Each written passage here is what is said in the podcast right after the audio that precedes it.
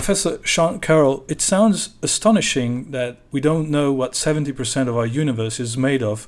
The name itself is mysterious, uh, dark energy. Is this at least a little bit embarrassing for science and astrophysics? You know, I don't really think it's embarrassing. I think that we're spoiled by the rate of scientific progress. Uh, the good news is that we do know what 5% of the universe is made of. We understand it quite well. And if you think about it, that's the entire universe we're talking about. Whereas 100 years ago, we didn't know anything about the expansion of the universe, dark matter, dark energy, or anything like that. So I think that we have very good reason to be proud of our progress. How certain are we, or are you, that dark energy exists? Have all possible errors in measurement or observing the universe have they been ruled out? Well, there's two possibilities uh, for dark energy not existing. One is that the uh, observations are somehow an error, and that possibility has more or less been completely eliminated because there's more than one piece of evidence that tells us there's dark energy. There's observations of distant supernovae, there's observations of the distribution of galaxies, there's observation of the leftover radiation from the Big Bang. They all give exactly the same result. However, we're not necessarily sure that the result is best explained by dark energy. It's still possible there is another explanation for the data, something like a modification of how gravity works over cosmological distances. So, dark energy is certainly the leading candidate right now, but we are investigating alternatives. And why is the origin and nature of dark energy so hard to explain? How close to an answer are we today? Well, it's important to emphasize we do have a very good answer in, that, in the sense that we have a very good theory for what dark energy might be. That's called the cosmological constant or the vacuum energy, what Einstein introduced way back in 1917. And the problem with vacuum energy, with the cosmological constant, is not that it's surprising that it's there, it's surprising that it's so small the vacuum energy is really the energy of empty space itself. And when physicists sit down to estimate how much energy there should be in empty space, they get a huge number.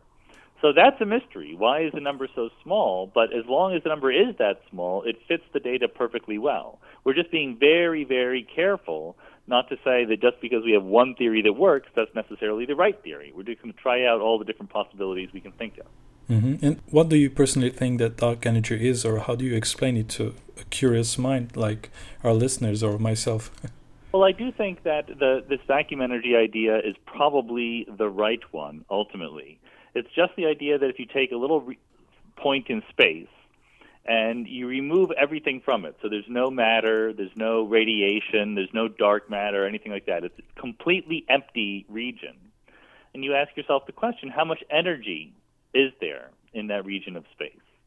You might think the energy answer should be zero because there's nothing in that region of space. It's just empty. But according to Einstein's general theory of relativity, which governs how gravity works in the universe, there's a number, there's a constant of nature, a parameter for how the universe works, which is how much energy is there in empty space.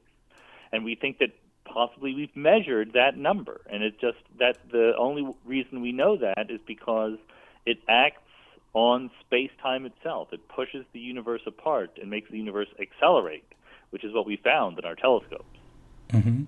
And do you dare to forecast when this mysterious force will finally be explained and understood? Uh, I think you've already forecasted some discoveries in, in the coming years. Well, what we're trying to do right now um, is distinguish between different possible theories.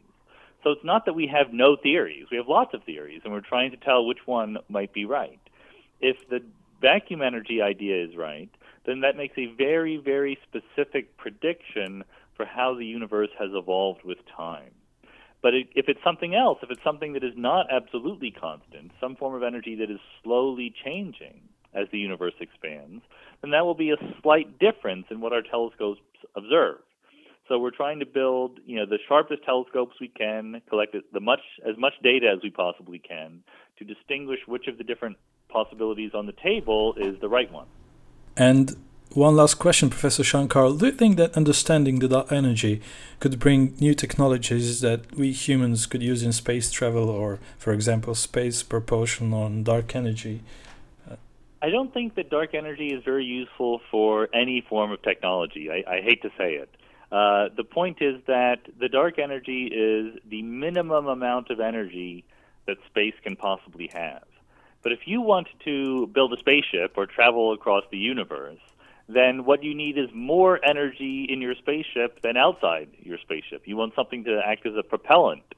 And that's just not what dark energy can do. I think that the connection is much more indirect. The more we understand about fundamental physics and the laws of nature, the better we are, better we will become at uh, coming up with clever ideas to help us technologically.